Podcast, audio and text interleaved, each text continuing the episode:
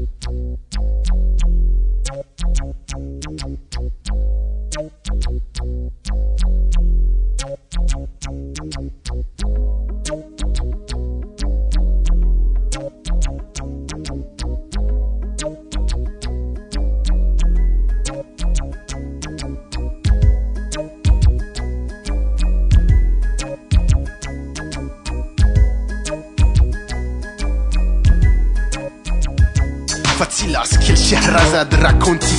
Malfacilas marŝi kontraŭ vento de sabloj Facilas ne vidi kaj kunaĉuloj kunlabori Malfacilas politike kontraŭstari Facilas ĉe armeo pafi iun per kuglo Malfacilas trakti malamikon kun indulgo.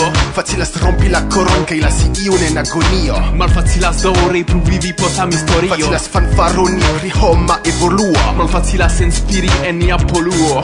Facilas por juĝisto alsendi homon al mortalo. Malfacilas ekdubi pri sia propra moralo. Facilas promesi internacian televidon. Malfacilas pri Flavio havi plu da filo. Facilas sin kaŝi malantaŭ Dio kaj libro. Malfacilas trovi en si mem squilibro Facilas kulpigi alian vivmanieron kaj emon. Malfacilas batali kontraŭ tutan sistemon. Facilas ĉiam uzi ironion aŭ sarkasmon Malfacilas trovi en la vivo entuziasmon Facilas obei laboron strikte Malfacilas daŭri senza l'aero strikke Facilas por ni paroli kun fluo kaj poetike Malfacilas provi repi. Post la paf klik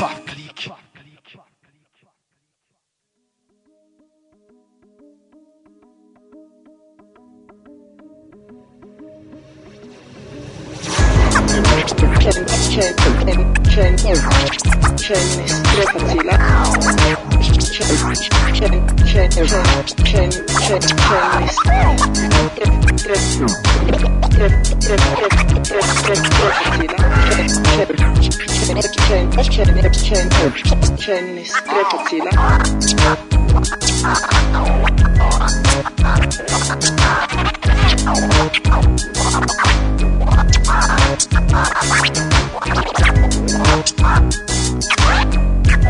Uh,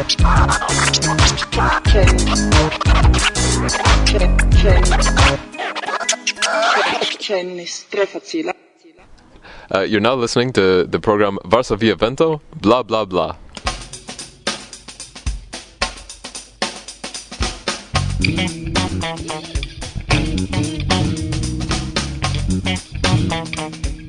Mm-hmm.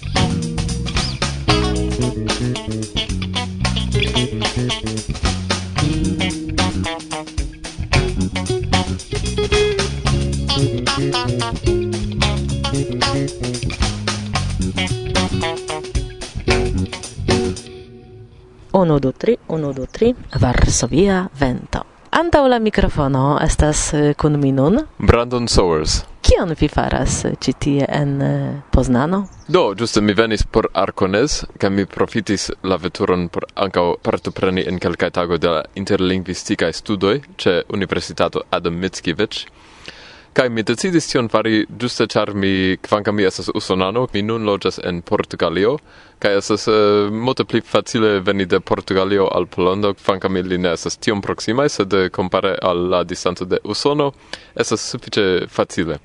Do mi decidis profiti tion ke mi nun loĝas en Portugalio, en Europo, por partopreni Arconeson, kiun mi neniam antaŭe partoprenis, Ironie, char mi ja trapasis unu jaron de la interlingvisticae studoi iam che mi antaue logis en Europo, eh, sed mi tiam ne partoprenis Arconeson, kai mi pensis, nu, mi chatus vidi kiel estas, kai do, kiel estas la evento entute, kai kiel estas la rilato inter Arcones kai la interlingvisticae studoi, Interalie, char mi havas ideon iam organizi ion similan kiu okazu flanke de NASC en Usono, tio estas la nord america somera kursaro, ke mi ciam havis la ne ciam mi dum la lasta unu du jaroj havis la ideon ke estus bele havi iun kulturan semajnfinon flanke de NASC, do mi volis vidi kiel estas Arkonas, kiel ĝi funkcias kaj ĉio tio, ĉu ne?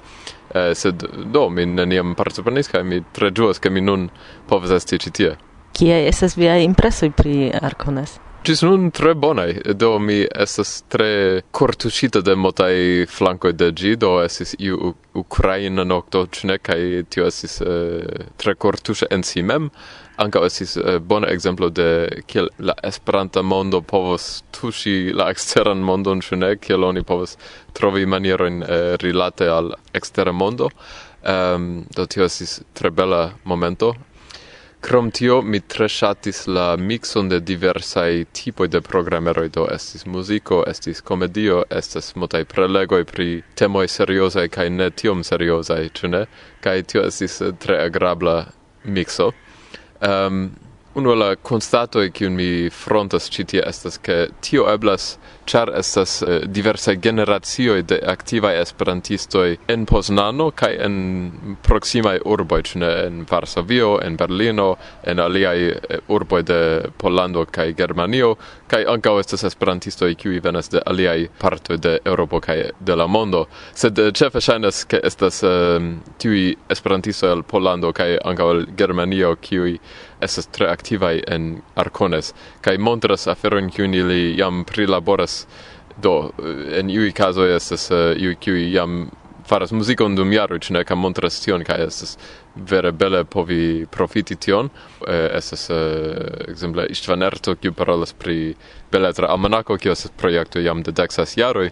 Do estas afero kiam la sperto de mota jaroj de Esperanta aktivado en diversaj flankoj kaj en diversaj personoi povas concretigi. kaj tio estas afero ne tiom facile por recrei, bedorinde por nien usono, sed ancao mi devas diri che tio estas afero kiam mi esperas che la polai kaj germana esperantistoi tenos, ĉu ne, kaj trezoros, ĉar ĝi estas ja trezoro neperdenda, ĉu? Yes, prave vi parolas, kaj vi mencis eh, ke estis interesaj eh, prelegoj, sed ankaŭ mi vidis, ke en programo aperis via nomo. Pri kio vi parolis kaj kial vi elektis tiun temon? Do, yes, efektive mi prelegis pri temo samtempe serioza kaj malserioza. um, mi parolis pri intersekcio de la Esperanto movado en Usono de anta okdek jaroj kun du aliaj parte de monda kulturo. Tio estas la fruaj periode de eh, sciencfikcia kulturo kaj Hollywoodo do ambau tre conate de Usono, quancam havis analogain eh, uh, aferoin en aliae landoi, inclusive Pollando cae Germanio, cune. Sed do estis effective che mi antau presca unu jaro ricevis informon de iu Aldoneo kiu preparis uh, biografion de iu frua scientificisto kiu estis tre grava en en tiu momento de la scientificia culturo, sed li verkis sian taglibron ciutage en Esperanto kaj ili bezonis la taglibron kiel fontmaterialo, sed ne stipovis Esperanton, ĉu ne do ili serĉis tradukiston. Ni arrangis tion, ke mi traduku la taglibron kaj mi jam pasigis multajn horen antao ekrane tion farante. Temas pri skanaĵoj de paĝoj kelkaj estas manskribita kaj kelkaj estas tajpita, sed eĉ la tajpitaj estis foie ne tiom facilaj kai mi effektive retypis cion mi transcribis cion al usebla Esperanto teksto kaj de tio mi tradukis. kai mi jus sendis al ili la kompletan version de la unua jaro, eh, temas pri du jaroj kaj kvarono, kaj tiu unua jaro eh, amplexis plio ducent paĝoj kun la formatigo kaj kun eh, enhavtabelo kiu mem amplexis deksas paĝojn. Ĉu ne do estas sufiĉe granda afero che mi devas diri che tiu ulo ja ĉiutage sen manke li tag libris, li Esperanto estis eh, sufiĉe bona. Kvankam estis erare kai li foie devis esti creema pri aferi kiuj eble ne estis tiom jam traktitaj en Esperanto. Kai mi trovis pere de tiu projekto kelkajn tre interesajn aferoin, do li estis scientificiulo, li estis parto de iu grupo de scientificiuloi kiu estis ancao aktivaj esperantistoi, ca mi trovis exemple do mi donas kelkajn detaloin che estis en le jaro 39 Mondo Foiro en Novjorko con la temo la Mondo de Morgau, eh, do estis tre estonteca aranĝo. Kai oni jam stias en la sciencfikcia medio ke okazis tie la unua mondo congresso de sciencfikcio kai dum tiu congresso ke estis la debuto de kion oni nun nomas cosplayo tio estas kiam oni vestas fantasia vestaĵojn dum scientificiai congressoi, cune? Tio okazis la unuan foion tiam dum tiu unua mondo congresso de, de scienceficio, kai ene de la scienceficia medio oni konstatas ke esas du esperantistoj kiuj faris tion. Ni ne bone memoras niajn uh, eh, antauloin, sed la scienceficiuloj jes memoras. Sed kion mi trovis estis ke cadre de tiu mondo foiro en Novjorko okazis esperanto congresso. Kai la mondo foiro deklaris uno la tagoi Esperanto-tagon, kai okazis parado de esperantistoj Inclusive tiui du esperantistoi paradis en siai futurecai vestajoi Do la debuto de cosplayo efektive ne nur okazis dum tiu sciencfikcio kongreso, sed vere dum la intersekcio de Esperanto kaj sciencfikcio, kaj tio estas nova eltrovaĵo kiun mi malkovris. Alvenis al miaj oraloj kelkaj klaĉoj, ka vi havas eh, ion eh, podcaston, ĉu? Do, effektive, mi jes antaŭ nelonge kun du aliaj usonanoj eniris la mondon de Esperanta podcastumado, kiu estas eh, tre interesa sperto ĝis nun. Do temas pri podcasto kiun ni lanĉis tuj post la UKO en Montrealo, kie ni ene de tre viglaj diskutoj de usonanoj kiuj partoprenis tiun kongreson pri kia movado ekzistu en Usono kaj kiujn projektojn ni faru. Do mi kun du aliaj usonaj esperantistoj decidis, nu, eh, ciui diris che ili volas vidi pli da culturae aferoi, cune de audonado de aferoi pri video ludoi kai podcastoi, do ni trovu nian vojon cae comentu kun la podcasta afero, cune. Kai esas uh, de tiu stilo Kio estas iom konata en diversa nacia lingvo, sed ĝis nun ne tiom konata en Esperanto, kio estas simple amikoj kiuj babilas kaj eh, ne muntas siajn babiladojn poste kaj simple alŝutas ilin al la reto. Kaj nia espero estas, ke la konversacioj estos interesaj por eh, spertaj esperantistoj kaj samtempe pro tio ke ni strebos paroli klare kaj ne tro rapide, kai ke ni klarigos aferoin do ekzemple kulturajoin aŭ mallongigoin kiujn ciu iconas sed eble ne ciu iconas ke la podcasto estos utila aŭtmaterialo por progresantaj esperantistoj.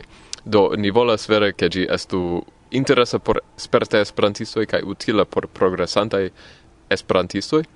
Kaj ni ankaŭ volas montri al la Esperanto movado tutmonda ke ekzistas Esperanto movado en Usono ĉu ne? Ni volas aldoni usonajn voĉojn um, al la voĉaro en la mondo, ĉu ne? Kaj ankaŭ uh, por usonaj esperantistoj kiuj estas nun aktivaj aŭ kiuj eĉ ankoraŭ ne lernis Esperanton, sed iam lernos, ni volas ke ili renkontos usonanojn en la etero kiam ili uh, sekvas podcasto in cune faras aferojn en Esperantujo ke ili konstatos ke Esperanto estas ankaŭ por usonanoj, cune ke ne estas nur afero de aliaj landoj. Do, eh, tiu estis inter niaj ideoj, kaj tio influas ankaŭ la nomon kiun ni elektis, tio estas usone persone. Ĉu vi povas malkaŝi la nomojn de tiuj du eh, homoj kun kiuj vi kunlaboras? Jes, do efektive ni estas sufiĉe publikaj kun niaj nomoj, ni, ni ne tiom kaŝas nin ĝis nun. Do la du kunlaborantoj estas Hanso Becklin kaj Rafa Nogueras, kaj mi supozas ke al multaj askotantoj ili estos jam konataj. Do ni tri ciui activas en, en diversai medioi, ĉu ne? Yes, do, homoj, serĉu, aŭskultu kaj profitu. kai antau eh, calcai monatoi eh, iun proiecton uh, vi creis ke vi voyagis alla insulo kai tie vi faris vian propran eh, taglibron ĉu mi ne eraras do Yes, uh, estis uh, antaŭ pli ol kelkaj monatoj, um, ehm, do meze de la jaro 2012 mi forlasis Usonon kai mi ehm, um, ekloĝis en Barbado, kio estas uh, insulo kai lando en la Cariba maro kai tie mi komencis fari iun uh, video tag libron ĉu en YouTube kai mi pensas ke dum 30 tagoj mi registris ion ĉiutage pri mia sperto en Barbado kai post tio mi sporade adonis al tio. Um, do mi faris entute eble kvardek uh, filmetojn tiam. Kai tio estas interesa sperto sed unu la constato kiun mi malkovris estas ke mi ne estas youtubisto uh, do mi simple ne tiom spertas pri filmoj kaj mi ne havis la la emon kaj fortan deziron akiri tiun uh, eh, konojn kiun mi bezonus tiam. Do mi mi tre ŝatas simple paroli do pro tio mi mi eble iam trovis mian vojon al podcastumado uh, eh, sed malgraŭ tio mi estis tre interesita lerni mm, iom mete post tio ke Alexo Miller kiu estas alia usona esperantisto eh, iniciatis projekton ene de la usona movado, kion oni nomas la usona bona film festivalo. Tio estas film festivalo, eh, magra la nomo ĝi estas eh, malferma al ĉiu ajn al la mondo, ĉu ne? Um, kio oni povas do sendi filmojn kiuj havas nur esperantajn vortojn kaj ĉiu aldono de la festivalo havas iun alian rekviziton. Do tio la unua aldono okazis uh, dum mi loĝis en Barbado kaj mi, mi partoprenis tiun unuan aldonon per filmo kiun mi kreis en Barbado kun amiko tie kaj ni eĉ eh, estis unu el la gajnintoj. Kaj ricevis monon pro tio do eh, eĉ eh, oni povas eh, foje gajni monon en Esperantujo ĉu ne? Uh, do tio estis tre interesa sperto sed la amiko kun kiu mi kunlaboris estis tiu kiu okupiĝis pri filmo kaj mi estis la esperantisto estis interesa kunlaboro ke mi rekomendas tion al iu ajn kiu havas uh, filmemajn amikojn. Eĉ se vi ne mem uh, faras tion multe pri filmoj ĉu ne? Kai do ni estas nun en la kvara eldono de tiu filmfestivalo, do vi povas serĉi per usona bona filmfestivalo en YouTube kaj trovas detalojn. Um, kaj mi forte rekomendas al ĉiuj spekti la filmojn kaj poste pretiĝi partopreni en la sekva eldono. Vi havas viajn kvin minutojn por saluti eh, Esperantan movadon aŭ eĉ ne Esperantan movadon eh, vi rajtas diri ion ajn kion vi deziras eh, por la Esperantujo por aŭskultantoj. Do, mi dirus che mi gioias esti de nove en Europo che povi partopreni la Esperantan vivon citie, kai mi ancao esperas che usona esperantistoi auscutos, abonos, eh, profitos, kai, kai ke ni badao povos eh, konkurenci kun la punta Esperanto vivo de Europo, kai havi nian proprain aranjon. Karan dankon. Dankon al vi, kara.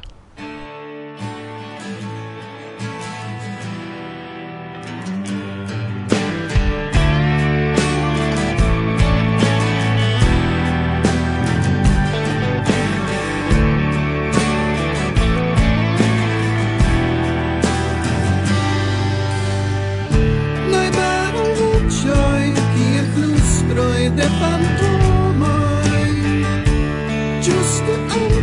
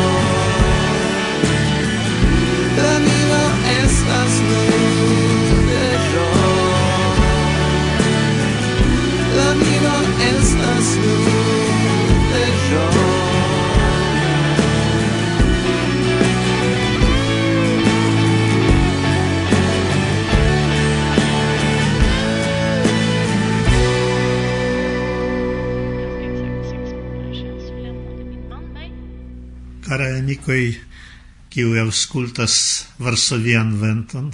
Saluton. Ĉu vi memoras la pluvon en tiu arda junio? Ĝi nin atakis inside, bruske, en denspapava. Nia felicio malseka cielen levis nin super cio, cae la humidei petaloi ruggis en mondo rava.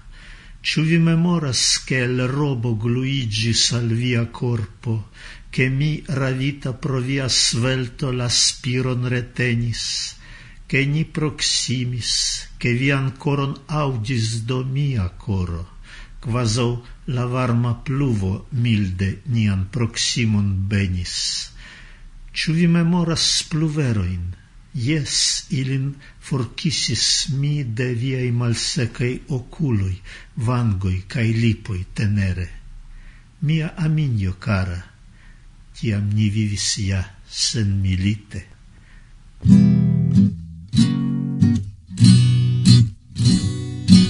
Malamico mia nascis vin later, por mensogo fia contra mia ver kirlas vian sangon stranga fenomen distuigas langon distuigas langon gutas la venen. Kun malamikeco vi ŝteliras al malĝentila spezzo de condut batal. En fetora morno de la talpa hato gvidas via morbo, gvidas via morbo vin.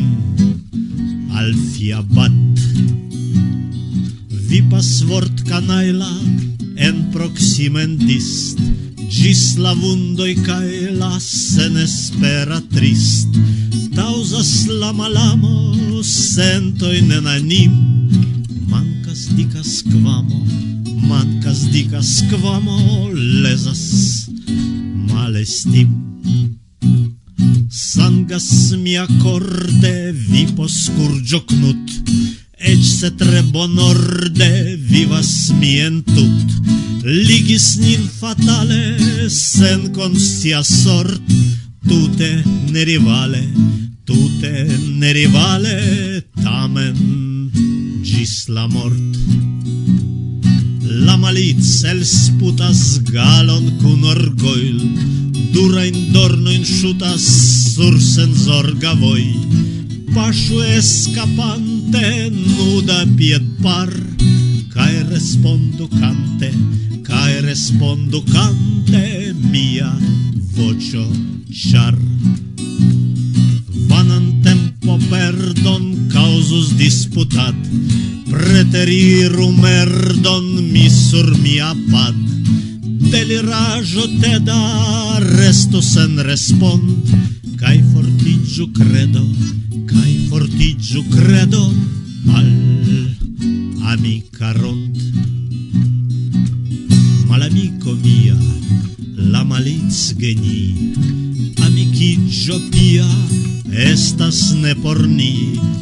sed esperas mi che en sen honta sin ec se malamike ec se malamike vi estimas min.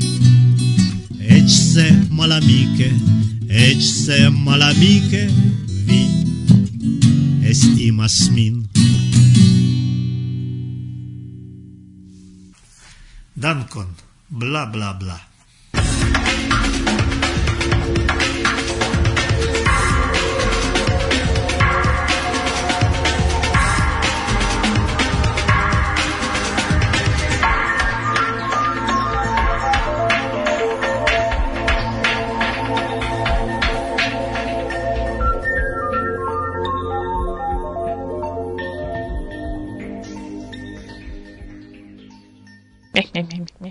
En la pasinta elsendo mi presentis conatan kai sendube gravan silueton de la movado esperantista, fondinton de UEA, Hector Hodler.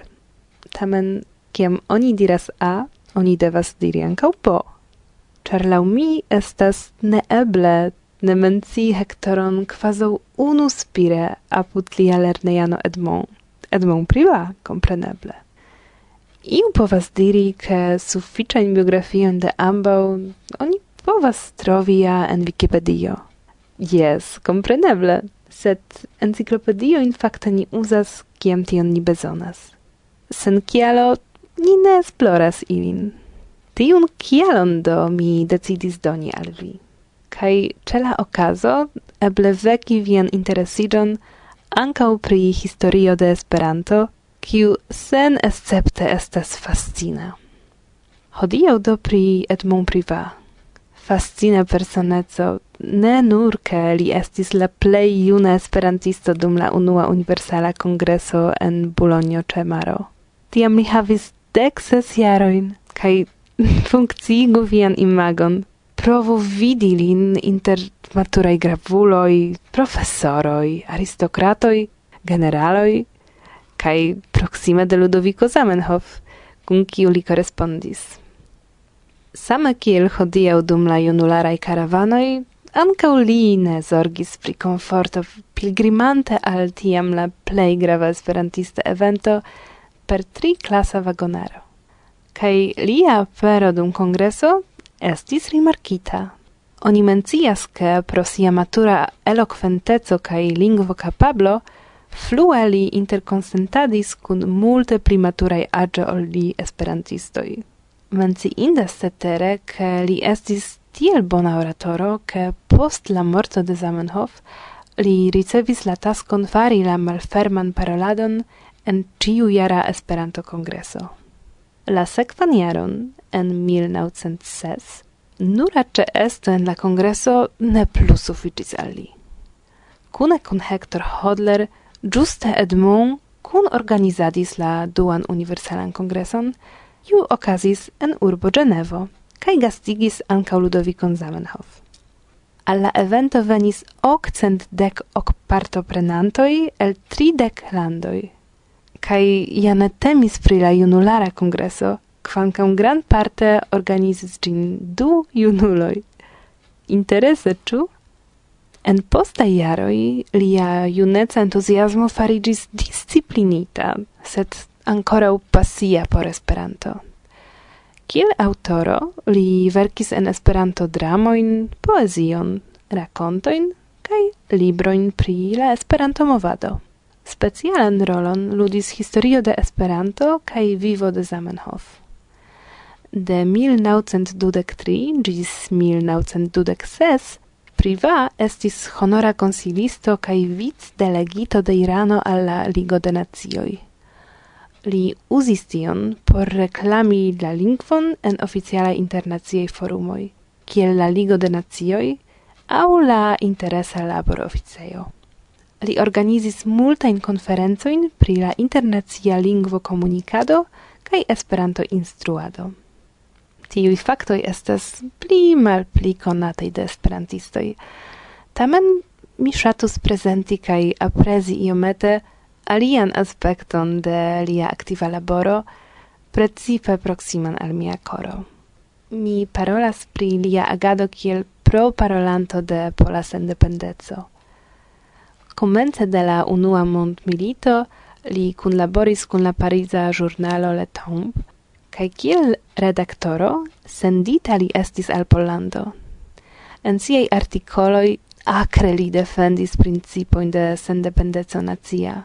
Pro tio, kelkaj iaroi poste, la Franza registraro mal permesis al li en iron en Francion, kai dum pluraj jaroj li havis grandain malfaciligoin ricevi la vizon malmulte scias, ke sian doktoriĝon li dedicis al ideo de la pola sendependeco. Denove mi elektis personon, pri kiu indas ne felietonon, sed libron, eĉ dikan verki. Lia amikeco kun Gandhi, lia agado en la organizo de unuigintai nazioi, lanciado de Esperanto sur la internazia forumo kai multe multe pli meritas veran interesigion. Traktu do mian koncizan mencion pri tiu eksterordinara personeso, kiel inspiron serĉi pli da informoj pri autoro de Vivo de Zamenhof kaj Historio de Esperanto. Sincere mi rekomendas, tion mi mem ja faris, kaj ankoraŭ mi ne satas je detaloj de lia vivo. Gosia. Reklamo